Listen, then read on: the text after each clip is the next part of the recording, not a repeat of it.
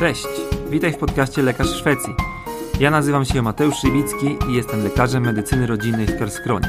Na łamach tego podcastu oraz na mojej facebookowej grupie przybliżam Ci realia pracy i życia lekarza po drugiej stronie Bałtyku oraz pomagam Ci w emigracji. Dobry wieczór, witam wszystkich zainteresowanych językiem szwedzkim, wszystkich, których zdziwił temat dzisiejszej prezentacji, jako żeby język szwedzki był najprostszym językiem na świecie. Ze mną dzisiaj Aneta Swatek, lektorka języka szwedzkiego. Cześć Aneta, przedstaw się, powiedz kilka słów o sobie. Cześć Mateusz, witam wszystkich, dobry wieczór. Y, dziękuję bardzo za zaproszenie, y, za możliwość spotkania się z Wami i poopowiadania trochę o tym, jaki szwedzki jest prosty. Ja uczę y, języka szwedzkiego, jestem też ustną tłumaczką szwedzkiego od chyba 20 lat, może trochę więcej już. I moim takim głównym założeniem, misją, czymś, co bardzo bym chciała, żeby wszyscy wiedzieli, jest to, że właśnie szwedzki jest niezwykle prosty i że każdego języka, nie tylko szwedzkiego, można uczyć się skuteczniej przy mniejszym nakładzie energii, przestrzegając paru, wiedząc może parę rzeczy o tym, jak w ogóle język jako zjawisko działa, a przy szwedzkim one zastosowane y, są jeszcze bardziej wyraźne. No właśnie, bo ty jesteś autorką też takiej strony y, na Facebooku ogólnie o nauce języków obcych, więc jakby e, wiem, że nie tylko konkretnie szwedzki, ale ogólnie jakieś techniki sprawnej nauki języka, podejście do, do tego, jak to najsprawniej, najsprytniej zrobić. I Aneta jest lektorką, którą ja już od jakiegoś czasu polecam medykom do tego, żeby uczyć się wspólnie z Anetą szwedzkiego. E, została mi polecona też przez jednego z obserwatorów e, strony, także e, już sporo medyków się Aneta u Ciebie uczy, sporo lekarzy, sporo, sporo studentów medycyny, prawda? Tak, też lekarzy weterynarii, stomatologów i oczywiście innych zawodów, ale szeroko pojęta branża medyczna jest dużą, ponad połowę moich klientów stanowi właśnie bardzo szeroko pojęta ta branża, również pielęgniarki, pielęgniarze. Czyli nie jest Ci to obce. Ok. E, I my tak sobie dywagowaliśmy troszeczkę z Anetą, to znaczy ja wysunąłem taką niemalże hipotezę bardzo śmiałą, bo kilka języków już też poza szwedzkim znam. Aneta też oprócz szwedzkiego zna kilka. E, nasi mm, widzowie na pewno też znają różne języki, niemiecki, francuski, mhm. hiszpański, więc będą mieli możliwość też sobie troszeczkę odnieść, bo niektóre rzeczy są trochę mhm. podobne do innych języków, niektóre są znacznie prostsze niż e, niektóre są znacznie prostsze w szwedzkim niż w tych innych językach. Mhm. I właśnie taka śmiała hipoteza, że szwedzki jest najprostszym językiem na świecie, albo co najmniej należy do, jednej, do, jednych, e, do jednego z mhm. najprostszych. E, I Aneta, zgodzisz się z tym, czy, czy jak w ogóle, jak można to rozumieć? No, musielibyśmy znać wszystkie języki na świecie, albo przynajmniej wiedzieć, jak działają, żeby móc powiedzieć o świecie. Natomiast z całą odpowiedzialnością mogę powiedzieć, że w Europie i najbliższych okolicach tak. E, w ogóle języki skandynawskie są chyba naj, nie chyba, są najprostsze. Zaraz też powiem, co mam na myśli, mówiąc najprostsze. E, wśród języków, specjalnie nie chcę mówić indoeuropejskich, ale tych, które, którymi się ludzie posługują na terenie Europy, pojętej szerzej, tam z Islandią, z okolicami dookoła. E, zdecydowanie skandynawskie są najprostsze, wręcz wbrew mitowi, które myślę, że jeszcze gdzieś tam pokutuje, trochę się to na szczęście kończy, a wśród skandynawskich mam wrażenie, że szwedzki jest najmniej fleksyjny, najmniej rozbudowany, jest najprostszy po prostu. To jest język dla leniwych. Y, y, ja próbuję teraz pozdrawiam Kamilę, uczyć się włoskiego y, i jestem oburzona, że trzeba tam odmieniać różne rzeczy. Tutaj prawie nic nie odmienia się przez nic. Mhm. Y, no to właśnie. jest jedną z głównych podstawowych zalet, inne omówimy pewnie również. Dokładnie. I to są, wydaje mi się, te największe uproszczenia, bo tak jak na przykład z mojej perspektywy, ja znam oprócz szwedzkiego, znam angielski, niemiecki i hiszpański, czyli mhm. E, jeden język e, taki latynoski, jeden język germański No i angielski też germański. Więc już jakby porównując do tych, sam szybko odkryłem, że na przykład w szwedzkim nie odmieniamy nic przez osoby, nie, nie odmieniamy czasownika przez osoby, nie odmieniamy rzeczownika przez przypadki, więc już nawet tutaj na samym wejściu przy tych podstawowych rzeczach widzi się, że nie trzeba się uczyć wielu mhm. form do każdej osoby, wielu przypadków e, do każdego, do każdej sytuacji, tak jak na przykład w niemieckim datyw, akuzatyw, mhm. nominatyw i tak dalej. Takie rzeczy na przykład w ogóle nie istnieją w szwedzkim, prawda? Dokładnie, tak. Nie istnieje też ta zmora języków słowiańskich, y, że tryb dokonany, niedokonany, że pomóc, pomagać robić, zrobić. Nie ma tego, nie mają pojęcia e, o co chodzi, gdy się ktoś mhm. próbuje mi to wytłumaczyć w polskim na przykład. Okay, Dużo jest, których nie ma. A jak to jest z tym mitem? Dlaczego myślisz, że no. Tak wszyscy sądzą przy pierwszym kontakcie z językiem mhm. szwedzkim, albo nawet nie mając w ogóle z nim kontaktu, nie mając zielonego pojęcia, dlaczego ludzie uważają, że szwedzki jest mhm. na pewno trudny, na pewno się go nie nauczą, E, nie jest w ogóle do, do ugryzienia. Jak to jest? Skąd taki mit pochodzi i dlaczego tak, a nie inaczej?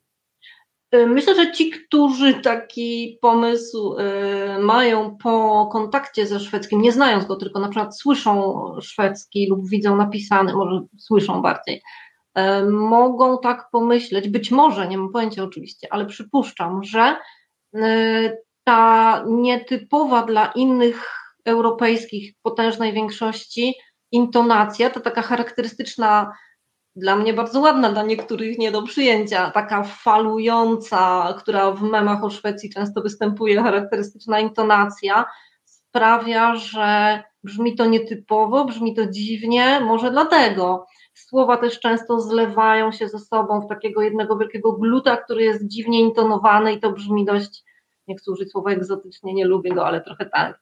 Y, może dlatego.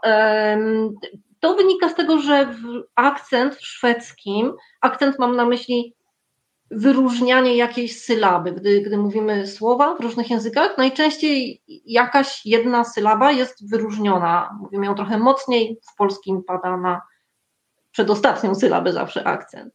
E, I tą sylabę mówimy zawsze troszkę głośniej i troszkę mocniej ściskamy mięśnie e, układu mowy, oczywiście nie zdając sobie z tego sprawy ten rodzaj wyróżniania sylaby, nazywa się dynamicznym, jest typowy dla, dla Europy, oprócz północy, bo tam, gdy chcemy wyróżnić y, jakąś sylabę, śpiewamy ją niejako tak jak na pięciolinii, robimy ją trochę wyżej. Oczywiście w różnych skandynawskich językach są różne te falki, różne na pięciolinii zapisane nutki i one wyżej, niżej E, powodują, że jakąś sylabę wyróżniamy, to jest bardzo nietypowe. Natomiast mówimy cały czas po szwedzku na dość mocno rozluźnionym tu całym aparacie mowy. Nie tak jak na przykład przy wschodniosłowiańskich językach, gdy te mięśnie są mocno napięte, nawet bolą, jak to się zaczyna uczyć na przykład. E, tylko cały czas mięśnie są bardzo rozluźnione. To sprawia, że fizycznie mówienie po szwedzku jest dosyć przyjemne. Natomiast śpiewamy wyżej, niżej jest to nietypowe. Może dlatego wydaje się to, to ludziom jest, dziwne. A czy Natomiast to jest coś, co jest trudne do nauczenia się, nie, nie do przeskoczenia, nie. albo coś, co jest na przykład znacznie trudniejsze niż w języku niemieckim, czy w angielskim, czy w hiszpańskim, jak uważasz? To jest po prostu inne, ale nie jest to jakieś trudniejsze. Y, y, taką trudność, którą zauważyłam, jest to, że ludzie może krępują się tak a, mówić taką dziwną falką, ale jeżeli to pokonać, no miliony Szwedów nie mogą się mylić. Można, można śpiewać mm, wyżej i niżej te dźwięki, trzeba nawet. E. Natomiast jeszcze, wiesz, dopowiem e, o osobach, bo to jeżeli ktoś to usłyszy, być może, być może ten aspekt języka sprawi, że wyda mu się to dziwne. Natomiast jeżeli ktoś nie ma żadnego kontaktu ze szwedzkim i dalej uważa, że jest dziwny albo trudny, być może uległ takiemu powszechnie panującej jakiejś opinii, że tak jest. Nie mam pojęcia skąd to, czy mam jakieś podejrzenia, y, natomiast y, nie wiem, nie wiem dlaczego. Może dlatego, że mało stosunkowo osób mówi tym językiem. Mhm. Jest jako, mało popularny, może. Po prostu jako pierwszy język, y, mało osób go dostało. W związku z tym też statystyka no, pracuje, jest mniej osób, które się go uczą, może dlatego. Też pewne metody nauczania, takie sprzed dwóch, trzech dekad, mogły sprzyjać temu, że jest on postrzegany jako e, trudny. Większość osób, które się uczą szwedzkiego, są anglojęzyczne i podręczniki robione pod anglojęzyczne osoby faktycznie wiele problemów, które nie są skomplikowane, przedstawiają jako bardzo skomplikowane, z powodów, że pewne trendy w metodyce były modne wtedy, jakieś 30-20 lat temu. Może dlatego, nie mam no. pojęcia.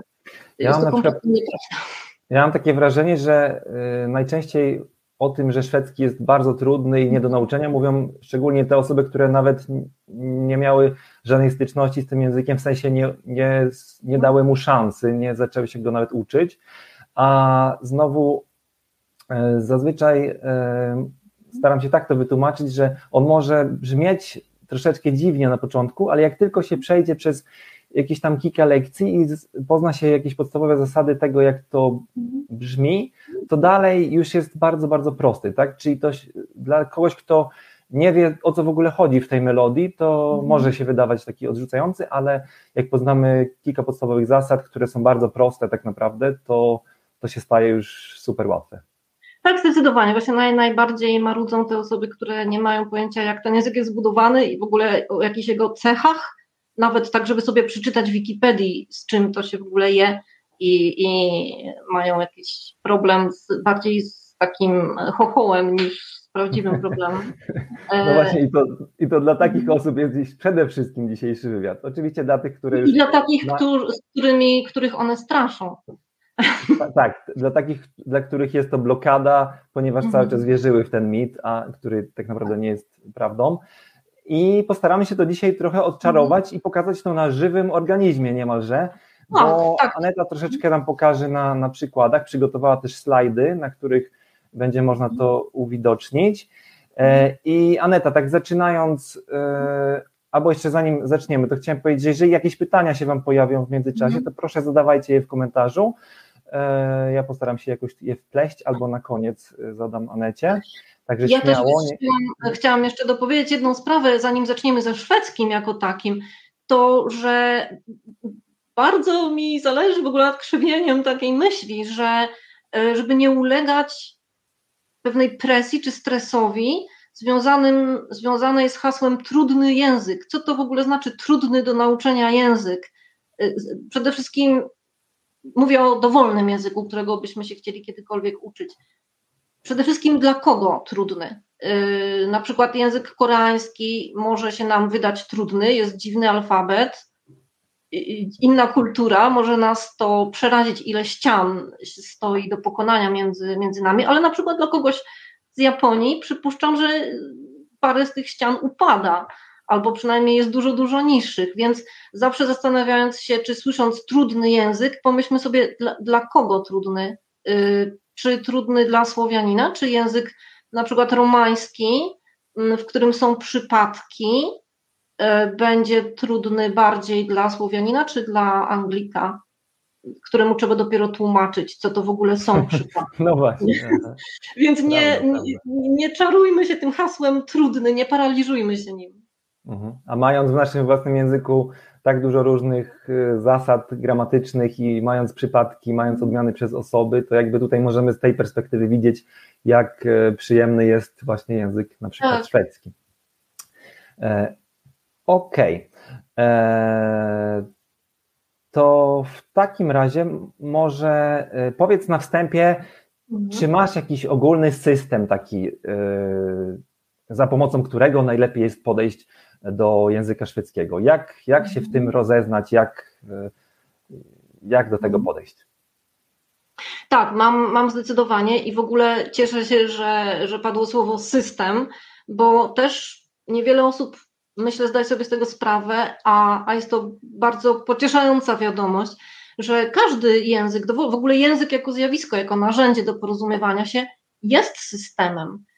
Większość podręczników, y, głównie są tu winne podręczniki do języka angielskiego z różnych powodów, które już wykraczają chyba poza naszą rozmowę teraz, są zbudowane najprościej chyba powiedzieć chaotycznie, czyli pewnie ci, którzy się w szkole czy w liceum uczyli angielskiego, wiedzą o co mi chodzi, są pewne takie punkty, że dzisiaj na przykład present perfect, potem dużo, dużo nic, potem się uczymy I'm going to. I kursant ma takie punkciki pewne, taką, taki bigos z informacji, które, gdy ma na tyle siły, czasu, energii, połączy być może jakoś kropki, połączy to w jakiś system. Natomiast no nie, nie oczekujemy od ucznia, który ma mnóstwo przedmiotów, czy od studenta, że skupi się na tym na tyle zawsze, że sam tą pracę wykona. Raczej widziałabym rolę podręcznika w tym, żeby pokazała to z góry jako system, bo ci, którzy na przykład e, chociaż w podstawowym jakimś stopniu wiedzą, na czym polega programowanie, czy nawet takie na, na Scratchu najprostsze, czy e, na czym polega jakaś taka najprostsza z liceum logika, bramki i NAND, e, to łatwo zauważą, że każdy język, w ogóle to narzędzie jak język, które mamy do komunikacji, jest tak naprawdę systemem drzewek decyzyjnych. Oczywiście te procesy w głowie naszej przebiegają tak szybko, że nie zdajemy sobie z nich sprawy, natomiast mówiąc w dowolnym języku, tak naprawdę dokonujemy serii wyborów. Na przykład teraz decyduję o tym, że mówię w czasie teraźniejszym, bo mówię takie rzeczy, o których się po polsku mówi w czasie teraźniejszym, takich, które są tak w ogóle też decyduje gdzieś tam w dziesiątym tle oczywiście mojego mózgu, e, jaką końcówkę powinnam dodać do jakiego wyrazu. To się już dzieje bardzo automatycznie, bo robię to od wielu, wielu lat. Gdybym mówiła w obcym języku, musiałabym pewnie chwilę się dłużej zastanowić, jaką końcówkę dobrać. Natomiast nadal jest to seria wyborów, które się tak nakładają na siebie i jest to pewien system zamkniętych możliwości, po których możemy się poruszać, jak po takiej drodze ewakuacyjnej. Mamy określoną ilość dróżek, którymi może pójść myśl, i zależnie od tego, jak dany język jest zbudowany, może być ich mniej albo więcej.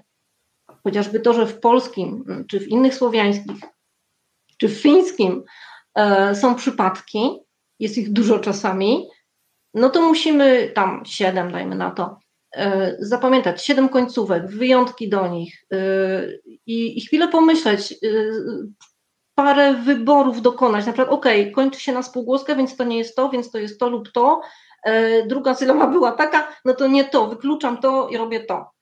To chwilę zajmie, chyba że to bardzo dużo poćwiczymy, zmechanizujemy. Natomiast są języki i szwedzki do nich należy, gdy w ogóle nie mamy tych rozkmin, bo nie ma zjawiska przypadki. I myśl ma krótszą drogę do przebiegnięcia, nie ma, ma tam dwa łącza, a nie pięć na przykład. Mhm. I tak jak powiedziałem, Aneta przygotowała nam e, slajdy. Ja będę tutaj zmieniaczem slajdów, także e, wiem, że chciałaś zacząć od tego, jak to wygląda ogólnie z czasami w języku szwedzkim. Tak. Także na chwilę przełączę na duży ekran na slajdy.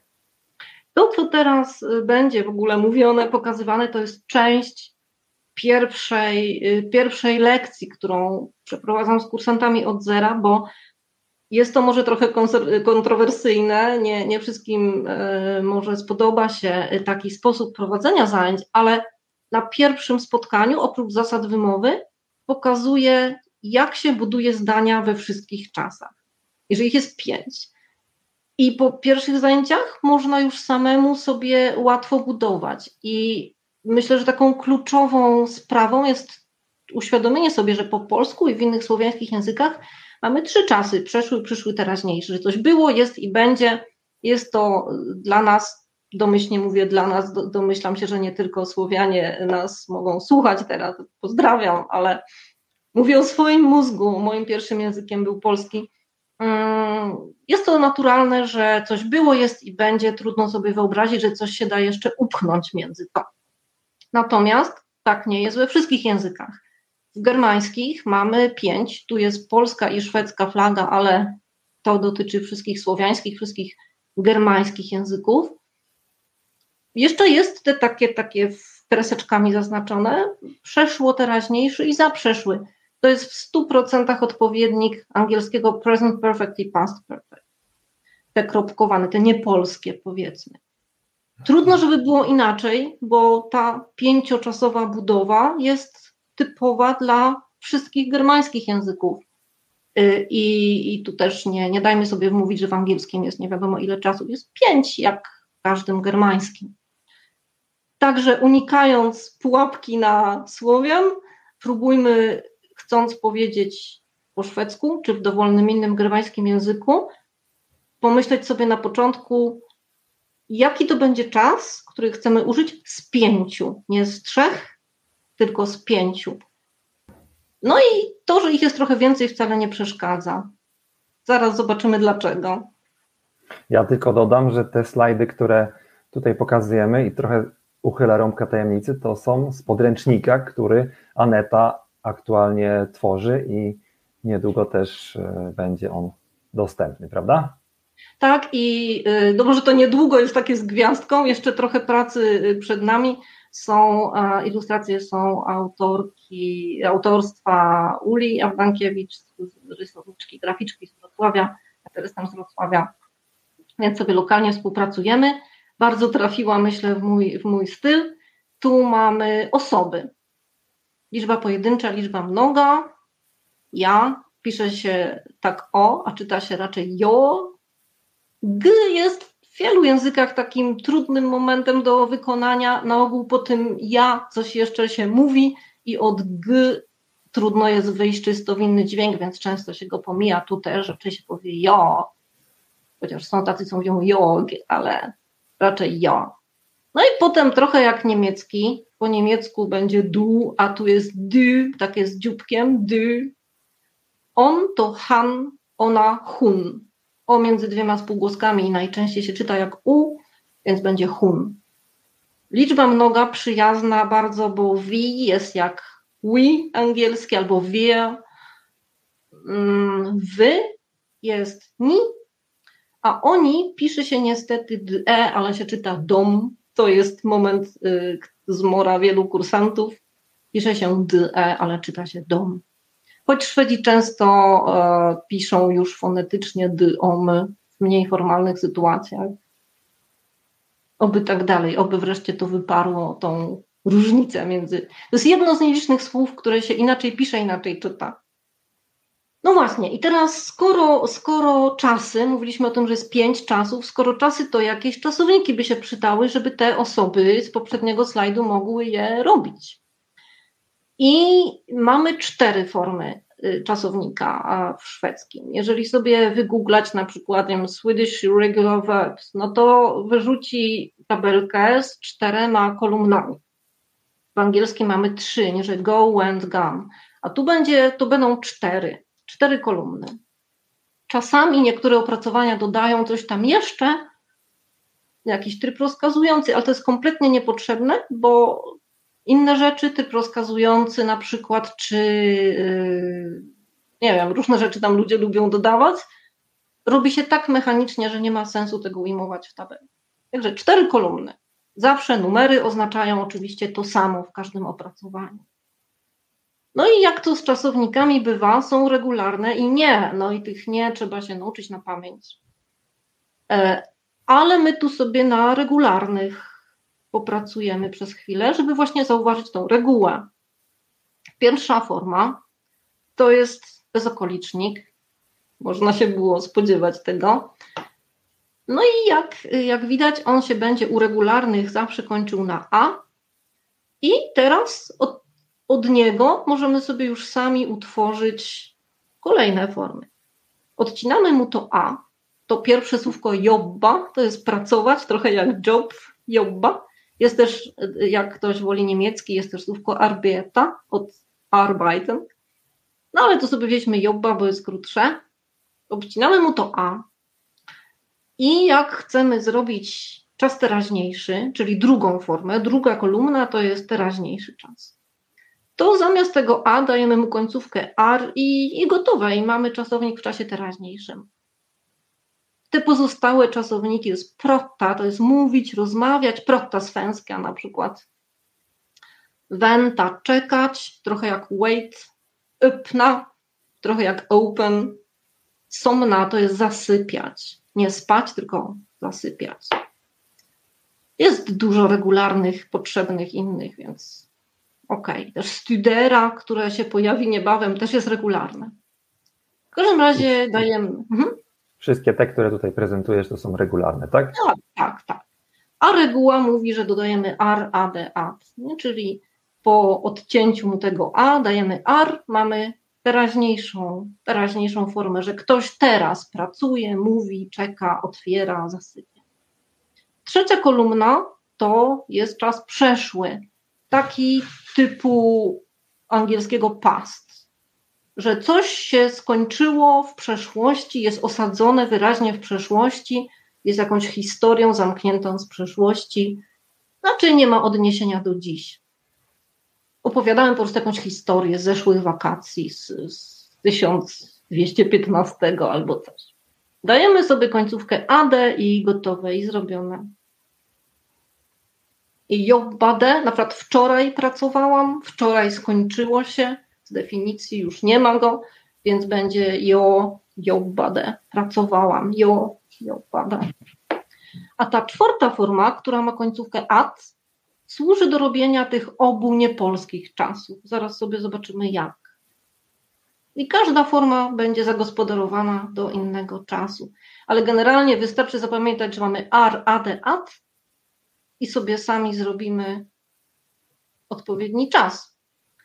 I tak między wierszami chyba trochę, trochę umknęła e, wspaniała informacja, mianowicie, że e, nie, nie odmienia się to przez osoby, czyli na przykład weźmiemy sobie osobę, dy, ty, dy jobbar, han jobbar, on pracuje, jo jobbar, ja pracuję, wi jobbar, wszyscy jobbar, nie ma końcówek dla osób, więc nie trzeba się ich uczyć, bo ich nie ma i można iść z nauką dalej. Dokładnie, czyli, czyli, nie ma tego niemieckiego ich arbeite, du arbeitest, tak, e, tak. sie arbeite, tak. arbeitet, widzisz, już nawet nie pamiętam, e, albo hiszpańskiego na przykład e, yo mhm. trabajo, tu trabajas, el, ella mhm. trabaja. Nie tak, trzeba tych wszystkich form się uczyć po prostu dla każdej osoby innej, tylko tutaj jest tak. jedna i lecimy do wszystkich osób dokładnie taką samą. Tak.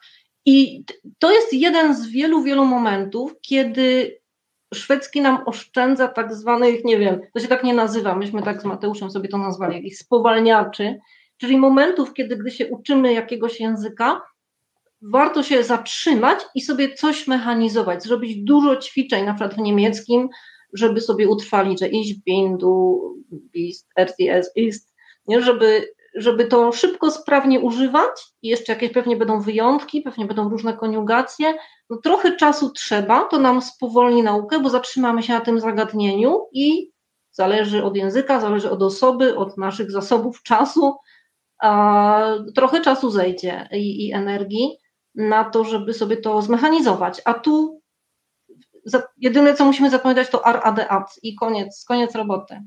Mhm a w danym jednym czasie to jest tylko jedna forma i tak. nie musimy niczego więcej przyswajać, niczego, żadnych odmian się uczyć, mhm. ani się mhm. zastanawiać nad formą, gdy wybieramy jakąś inną tak. osobę. To jest taka esencja germańskiego języka.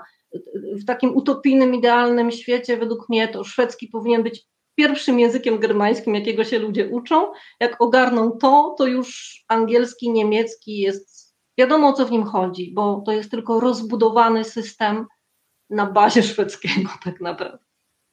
Czyli na przykład e, to słówko prata, e, mówić, jest najczęściej tak się na przykład stosuje w takim wyrażeniu prata svenska, czyli mówić po szwedzku. I jakbyśmy w czasie teraźniejszym chcieli to wykorzystać, to będzie ja pratar svenska, czyli ja mówię po szwedzku, e, ale również taka sama forma będzie, jeżeli powiem du pratar svenska, albo Aneta Vi? pratar svenska, Vi pratar svenska. W zasadzie wszyscy, e, wszyscy z tych osób są tak. cały czas pratar w czasie teraźniejszym. Tak. W jeden kawałek głowy wsadzamy te osoby, czyli tam sześć, no siedem słów, to damy radę. W drugi kawałek głowy trzy końcówki ar, ade, ad i, i gotowe. To co, następny slajd chyba pokazywał zastosowanie praktyczne tego wszystkiego. To jak przygotowałaś już takie zestawienie mhm. e, już w praniu. Tak, tak. Zacznijmy sobie od spojrzenia na czas teraźniejszy, jako taki najbardziej może intuicyjny. No i weźmy sobie, już, już wiecie, co to znaczy na pewno, bo to jest kolejna miła rzecz w szwedzkim, że wiele słów y, są, mają taką ogólnogermańską bazę, trochę mniej z łaciny, ale nadal. Angielski, niemiecki ogromnie pomaga. No i mamy już, już wiedząc, że Han to on, Mamy oczywiście, jak w porządnym germańskim języku, każdym ten, ten idealny szyk podmiot, orzeczenie, dopełnienie, czyli kto, potem co robi i potem cała reszta. No i mamy Han studerar medicin, czyli teraz, teraz studiuje medycynę, bo mamy końcówkę ar, druga forma i zrobione. Jeśli chcemy zapytać, czy on studiuje medycynę, to robimy y, też bardzo germańską rzecz, robimy po prostu inwersję.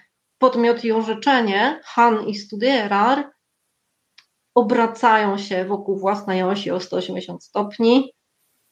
A można sobie też, może ktoś woli sobie wyobrazić, że tak na krzyż się wymieniają. Ja tak w poziomie ich widzę, ale to nieistotne. Zamieniają się ze sobą miejscami i mamy studierar han medicin i, i koniec, mamy zrobione pytanie. Tak, i to, tak, jest znane, to jest znane zjawisko z wielu innych języków, więc pewnie tak. Gdzieś tam już w miarę mm. się to robi. Dokładnie. Tak. Taki trochę spoiler wykraczający, jeśli Mateusz pozwolisz, poza tą planszę, to mając już to zdanie, czy on studiuje medycynę, studiera han medicine, wystarczy, że się nauczymy puli takich pytających słówek typu ile, jak, dlaczego, kiedy, ich tam jest, nie wiem, z 10 może maks, możemy je sobie przyklejać do tego zdania i mamy już bardziej szczegółowe pytania. Dlaczego on studiuje medycynę? Wystarczy sobie dokleić z przodu warfer, czyli dlaczego, i mamy warfer studiera medicine, dlaczego on studiuje medycynę. Wystarczy znowuż nauczyć się pewnej niewielkiej puli słówek i mamy upgrade pytania. Ale wracając do planszy, e, takim szwedzkim not jest słówko inte na niebiesko. I ono działa tak, że ono musi być po czasowniku, po polsku mówimy odwrotnie. Mówię nie studiuję, nie będę, nie chcę, nie, nie pracuję. A tu szyk zdania jest priorytetem. Musi być podmiot, no to jest han.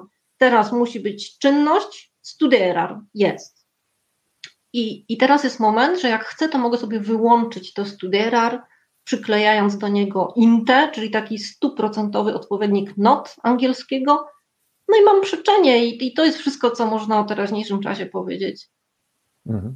I zareklamujmy jeszcze raz, że tutaj, a zamiast tego han może być jakakolwiek inna osoba, czyli na przykład tak. do albo vi, a forma, wszystkie formy pozostaną takie same. W sensie zmieni tak. się tylko osoba, ale nadal to będzie han studerar medicine albo vi studerar medicine i tak dalej, i tak dalej. Tak, tak, tak, tak. Jeśli zerkniemy na czas przeszły, może, teraz, a, czyli tutaj, gdzie mamy AD, to widzimy, że niewiele się zmieniło. Wygląda to dokładnie tak samo. Tam Mateusz dodał y, lata, osadzając to studiowanie medycyny w takiej jednoznacznej przeszłości. To jest odpowiednik angielskiego past, więc he studied, na przykład czytam you studied medicine. Nie? I tu mamy po prostu to samo. Widać wyraźnie, że to jest ta sama sytuacja, co z czasu teraźniejszego, różni się tylko końcówką AD. Zamiast AR mamy AD i to, to jest też wszystko, co można powiedzieć o czasie przeszłym. I możemy zajrzeć już do przyszłego. I tam wchodzi pewna nowość, mianowicie operator, czyli pomocnicze słówko ska, nie powinno nas ono zaskoczyć. Ska to jest takie w 100% angielskie will. I podobnie jak mamy w angielskim will plus pierwsza forma, to tu będzie ska plus pierwsza forma plus bezokolicznik. Ten, co pamiętacie może z planszy tej, tej o czasownikach, on się kończył na a zawsze, tam odcinaliśmy to a. Ale ta forma bez odciętego a, bezokolicznik po prostu przyda się. Ska studera to jest takie will study dzieje się w tym czasie, w tym przyszłym, najbardziej się pokrywają z angielskim, bo zobaczcie, we will study medicine, will we study medicine, we will not study medicine. To jest zupełnie angielski. Niestety w innych czasach już się trochę rozjechali. Angielski wystrzelił operatorami innymi, odmianą trochę przez osoby. Niepotrzebnie. Mogło wszystko zostać tak. No i mamy jeszcze te dwa czasy niepolskie, ten, te oznaczone kreseczkami, przeszło teraźniejszy i zaprzeszły. Przeszło teraźniejszy to jest taki w 100% angielski present perfect. A, czyli używamy go w dwóch praktycznie sytuacjach, że coś zaczęło się w przeszłości i trwa do tej pory, albo zaczęło się i nawet skończyło w przeszłości, ale jakieś skutki trwają tego do tej pory. Na przykład obejrzałam film, obejrzałam w przeszłości, ale nie mogę go już odzobaczyć. Wiem, wiem do tej pory o co w nim chodzi, więc klasyczny przeszło-teraźniejszy. Też będzie y, dwuczęściowy taki, że Har jest operatorem. Do tych obu kreskowanych czasów niepolskich przyda się czwarta forma, która ma at regularnych.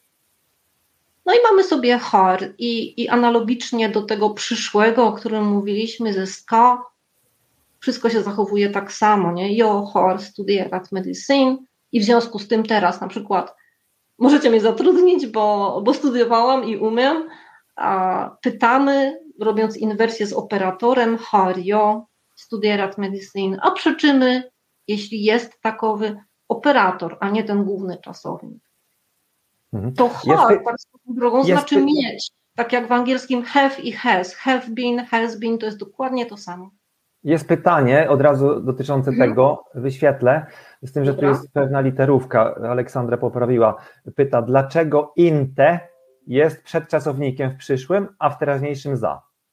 Yy, Okej, okay. yy, ponieważ yy, mamy w przyszłym operator. Czasownik, orzeczenie w czasie przyszłym, podobnie jak w angielskim zresztą, jest dwuelementowy. E, w czasach teraźniejszym i przeszłym, tam gdzie jest ar i ade, mamy po prostu jedno słowo, które ma końcówkę ar, studierar albo ade, studierade. Natomiast w pozostałych czasach mamy operatory, czyli po angielsku to się nazywa auxiliary verbs, nie? że to dodatkowe, takie pomocnicze słówka. I samo ska nie działa, samo bezokolicznik studera tym bardziej, bezokoliczniki nie chodzą same po zdaniach, nie chcemy mówić ja studiować. One dopiero dwa razem, jakby dwa puzelki, tworzą jeden obrazek. I teraz chcemy zaprzeczyć, załóżmy, tak jak, jak pytasz. E, I oczywiście intuicyjnie y, skupiamy się na tym studiera, na tym słowie, na którym jest więcej znaczenia, więcej sensu, bo studiera znaczy konkretną czynność, natomiast mamy jakieś odniesienie do, do rzeczywistości przy studiera, do realiów twardych, natomiast znaczenie ska jest bardzo abstrakcyjne. Ska znaczy zaraz będzie czas przyszły robiony. Więc skupiamy się odruchowo na tym studiera. Może i on jest ważniejszy, natomiast do technicznych rzeczy jak sama nazwa wskazuje, operator służy do robienia operacji na zdaniu. Więc jak chcemy mu coś w środku zamieszać, zoperować go, to, to ska będzie przeczone w imieniu całego dwuelementowego orzeczenia. To ska wejdzie w obrót, wejdzie w inwersję ze swoim podmiotem, również w imieniu całego orzeczenia. E, zobacz, jak, jak popatrzysz sobie na angielską wersję, to wydarzy się zupełnie to samo. A, e, I will study, will I study, I will not study. W angielskim też przeczysz operator, a nie ten, ten ważniejszy jakby czasownik, na którym leży sens główny.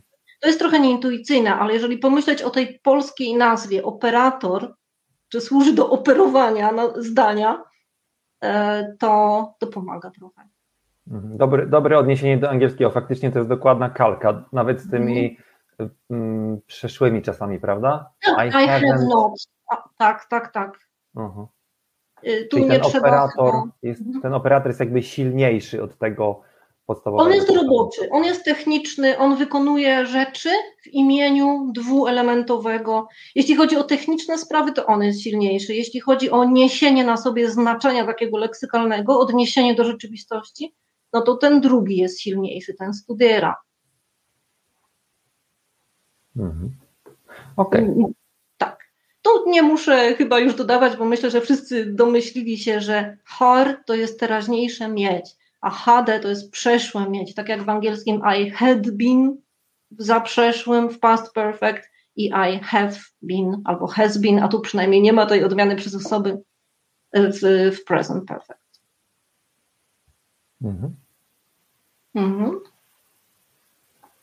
Nie wiem, czy coś jeszcze mhm. chciałbyś dodać o tej planszy. Aleksandra jest zadowolona i mówi, że zrozumiała, a mhm. przy okazji e, wyświetla jeszcze, że e, chyba tutaj ktoś z swoich uczniów nawet komentuje, że Aneta jest super nauczycielką, najbardziej dopasowaną do mnie nauczycielką języka, jaką miałam.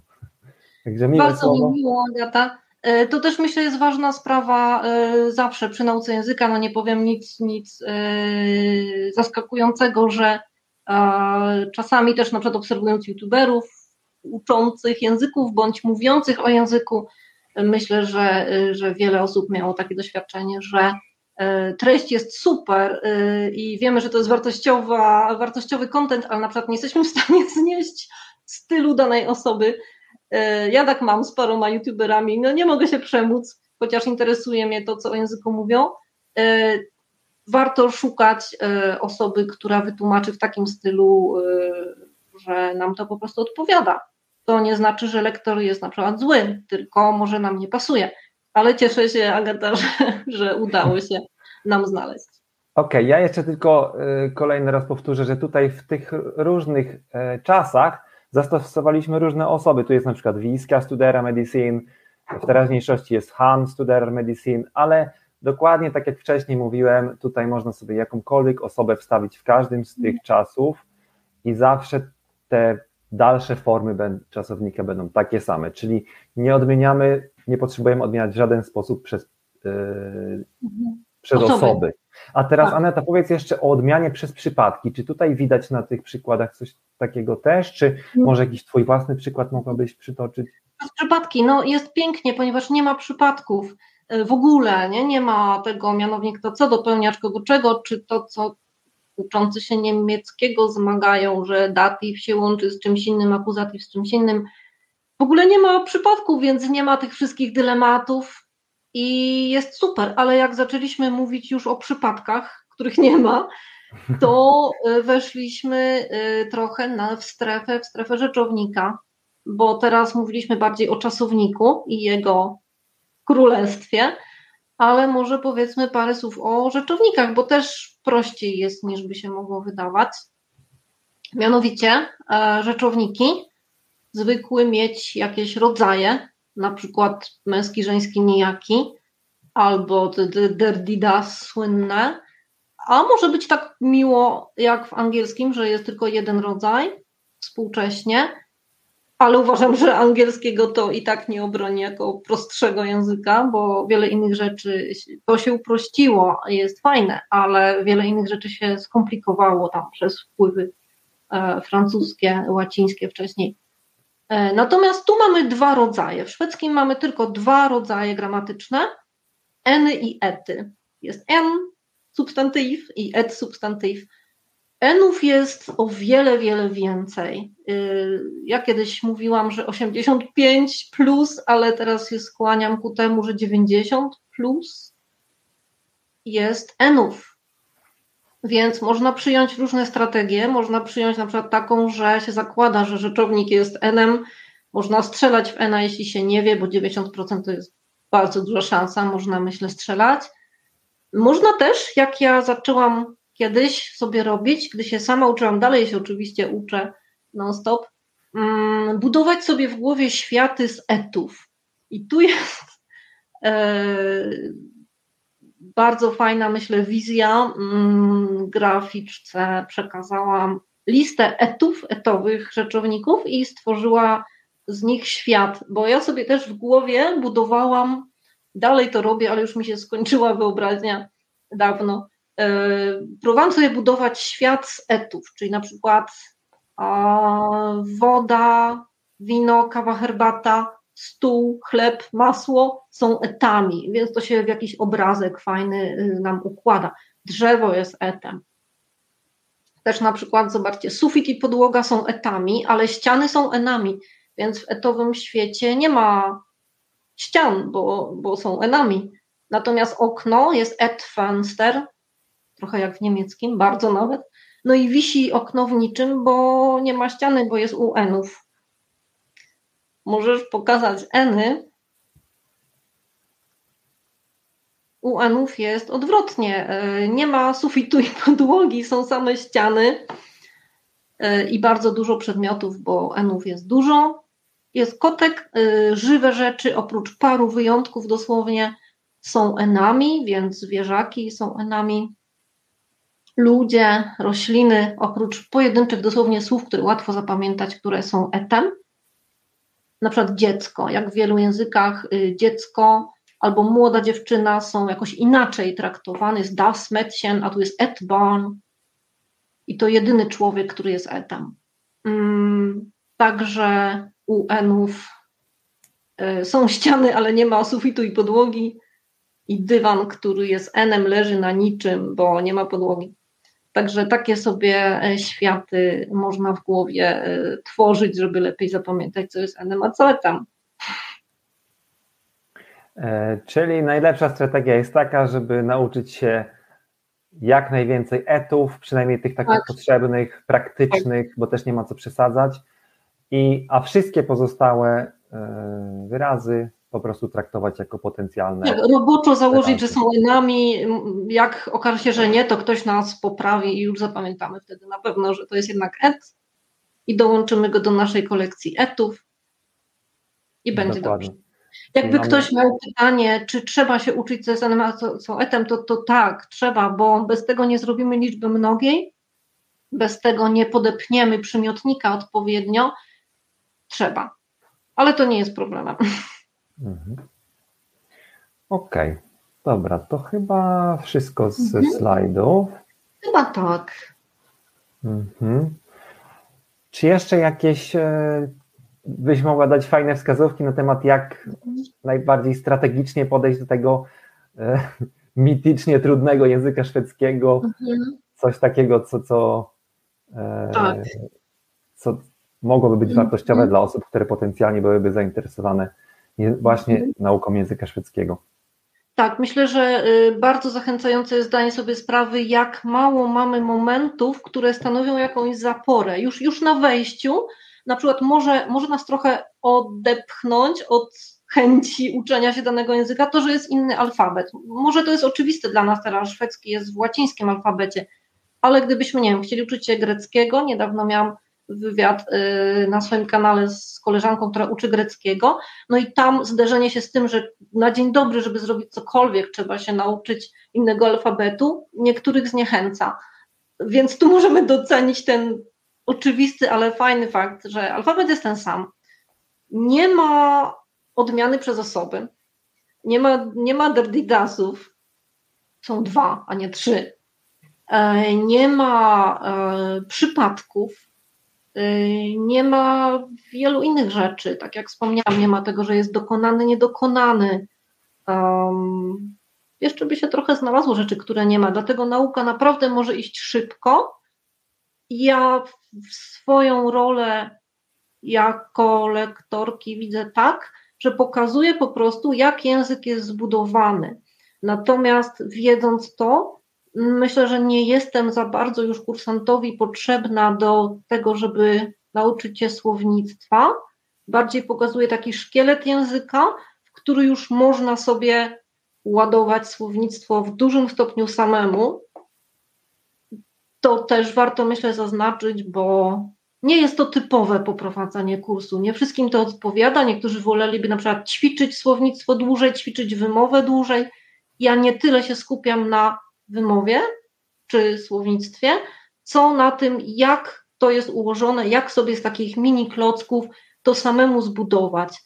I, i moim, moim jakby takim założeniem jest to, że po ukończeniu takiego podstawowego kursu u mnie, kursant już jest w stanie sobie sam budować rzeczy i sam na przykład się zorientować, o co w ogóle chodzi, gdyby chciał pójść na przykład na inny kurs, który jest bardziej chaotycznie może zbudowany, czy iść sobie według jakiegoś podręcznika, które często są, jak wspominałam na początku, szwedzkie nie tak bardzo jak angielskie, ale troszkę też e, są czasami chaotycznie zbudowane. Będzie wiedział, co jest grane, jak będzie chciał, to myślę, że z internetem sobie sam doładuje słownictwem, a e, ja raczej pokazuję system, jak to działa, jak łączyć słowa, bo można nauczyć się bardzo dużo słów, ale nie wiedzieć, jak je łączyć, więc wolę pokazać, jak to łączyć, a słowa w dzisiejszych czasach nie są problemem.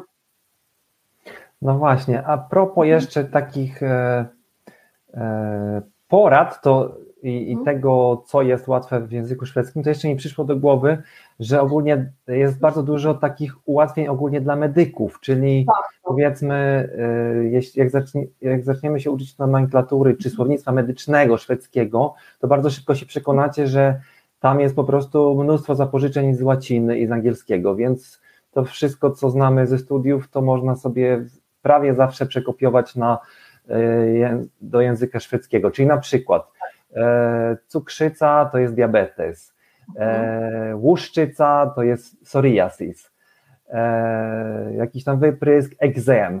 I to są normalnie słowa, których używają również pacjenci, czyli to mhm. jest bezpośrednio skalkowane z łaciny do szwedzkiego i mamy tak naprawdę gratisowe słówka, tak, których już się nie tak. musimy uczyć i później porozumiewając się z pacjentem, czy nawet jeszcze częściej z jakimiś naszymi kolegami, e, lekarzami, to ta komunikacja już będzie ułatwiona, bo to, nawet jeżeli nie będziemy znali jakiegoś słowa, to często szybko zrozumiemy o co chodzi, bo to będzie takie samo słowo jak z łaciny.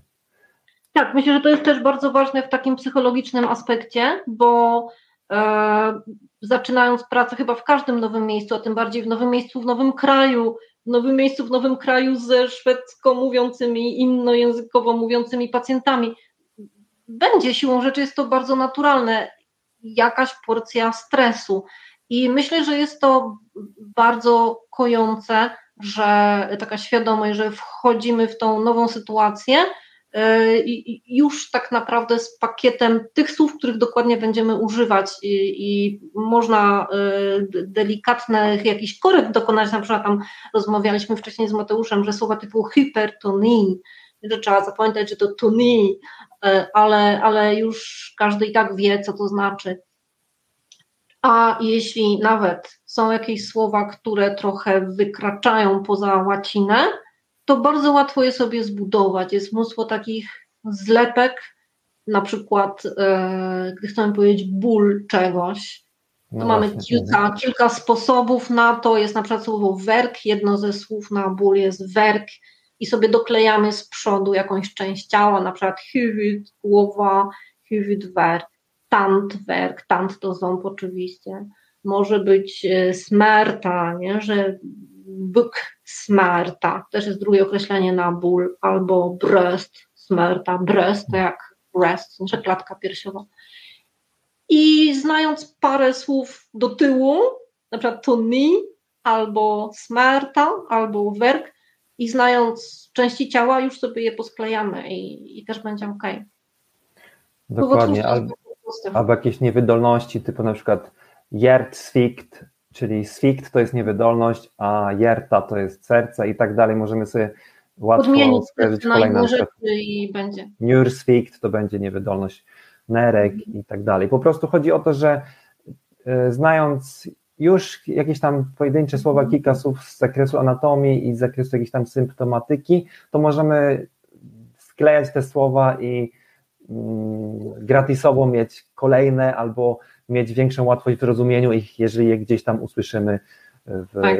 w swojej codziennej praktyce. A Aneta też wiem, że ty korzystasz z medycznych tekstów, y, jak z twoimi lekarzami, y, uczysz lekarzy języka i y, mówiłaś też, że masz fajne źródło, tam jest taka stronka specjalna też dla pacjentów z łatwiejszymi tak. tekstami. właśnie medycznymi, która się nazywa elwahuttyhu.se, czyli 1177.se i tam w sumie zachęcam, żeby sobie też zajrzeć, bo wystarczy wpisać jakąkolwiek chorobę i mhm. można taki łatwy opis tego, jakiejś choroby czy, czy symptomów y, sobie nawet ściągnąć i z takimi tekstami sobie pracować, prawda? To jest, to jest dość e, y- bliskie później praktyki y, lekarza. Tak, jest też bardzo y, fajne to, w jaki sposób ta strona jest zrobiona. Myślę, że tak pozajęzykowo, zupełnie być może, y, być może prostota tej strony, czy łatwość poruszania się po niej, taka duża, duża intuicyjność, być może, nie wiem, to się przyczyniło do tego, że jak mówisz, y, pacjenci są bardzo świadomi sami terminów związanych z dolegliwościami i, y, i posługują się nimi y, sprawnie. Jak się powie diabetes, to wiadomo, to pacjent wie o co chodzi, też tak mówi ze swoimi znajomymi na przykład, że mam diabetes, nie, johar, diabetes. Hmm. E, czy, czy masz cukrzycę? Hardy, już umiecie sami ułożyć to zdanie, nie? Hardy diabetes. E, Dokładnie. I to jest, to jest fajne i nawet nie znając szwedzkiego dobrze, można sobie połazić po tej stronie, pokręcić się i wiele słów samemu, na pewno rozpoznacie je bardziej niż ja, e, znając je po prostu z łaciny. Super, fajnie. Mam nadzieję w takim razie, że zaraziliśmy trochę osób tym, E, tym zainteresowaniem się językiem szwedzkim i odczarowaniem tego i złamaniem tego mitu, że szwedzki to taki trudny język. Wręcz przeciwnie, szwedzki to jest jeden z najprostszych języków na świecie, możemy sobie spokojnie to powiedzieć. E, jeżeli ktoś by chciał e, brać udział w zajęciach u Anety, to Aneta powiedz, gdzie można Ciebie znaleźć, jak można się z Tobą skontaktować? Można najprościej znaleźć mnie wpisując y, na Facebooku hasło szwedzki oraz inne dziwne języki. Innych dziwnych języków jest trochę mniej, szwedzkiego jest najwięcej, ale, ale będą inne języki dziwne też, bo też, też chciałabym właśnie do tego, co do tego podsumowania Mateusza dopowiedzieć, że ja w ogóle zachęcam nie, nie tylko do niebania się szwedzkiego, no to już kompletnie się nie ma czego bać. Nie wiem, jak Halloweenowo trochę ja powiałam, naprawdę nie ma się czego bać. E, natomiast e, w ogóle, żeby nie myśleć o sobie, z czym się też bardzo, bardzo często, zbyt często spotykam w swojej pracy, nie myśleć o sobie jako jako o kimś, kto na przykład nie ma zdolności językowych. E, bardzo zachęcam zawsze wszystkich do nie bania się żadnego języka, nawet z innym alfabetem, nawet z kompletnie inną kulturą za nim, bo nie trzeba mieć zdolności językowych, żeby się nauczyć jakiegoś innego języka. Oczywiście, że jak w każdej dziedzinie, y, w sporcie, w gotowaniu, w, w, nie wiem, w budowaniu budynków, w czymkolwiek, układaniu puzli, zawsze się znajdą osoby y, z, wyjątkowym uzdolnieniem w tym kierunku i, i super, super dla nich, ale to nie znaczy, że ktoś inny też nie może sobie poukładać puzli. Nie, nie jest tam potrzebna jakaś mistrzowska, mistrzowski poziom e, zdolności, predyspozycji, żeby mówić w dowolnym języku, bo język jest jakby programem wdrukowanym w mózg, którego możemy porównać do procesora, powiedzmy, w jakimś bardzo uproszczonym pewnie stopniu. To jest program, który każdy z nas ma wdrukowany, służący do komunikacji z innymi ludźmi. Super. Tym pozytywnym akcentem zakończamy. Dziękuję Ci bardzo, Aneta, serdecznie za podzielenie się Twoją wiedzą, Twoimi tutaj fajnym podejściem do języka. Ja chciałem tylko powiedzieć, że dla wszystkich osób, które do tej pory jedynym i najważniejszym ograniczeniem było to, że język szwedzki jest dla nich nie do -hmm. nauczenia, no to już niestety nie mają żadnej wymówki, także mo mogą się śmiało tak, e, zacząć uczyć, bo to jest bardzo prosty język. I na zakończenie jeszcze tylko drobny komentarz od e, Małgorzaty. Aneta, marzenie być Twoją uczennicą. Nie wiem, czy już jest, czy dopiero będzie, ale w każdym razie na pewno. No, chyba jeszcze nie, nie miałyśmy przyjemności się poznać, chociaż może gafę strzeliłam teraz, może nie, nie jestem w stanie zapamiętać wszystkich kursantów, ale chyba, chyba e, nie mylę się mówiąc, że jeszcze nie. Zapraszam, zachęcam do uczenia się różnych języków dla przyjemności, nie tylko z zawodowych powodów. I tak jak Mateusz mówi, jeśli, jeśli to było e, wymówką e, przed wyprawą do Szwecji, to, to chyba pora jakąś inną Koniec z tą wymówką, tak. No. Dziękuję serdecznie, wszystkiego dobrego, trzymaj się.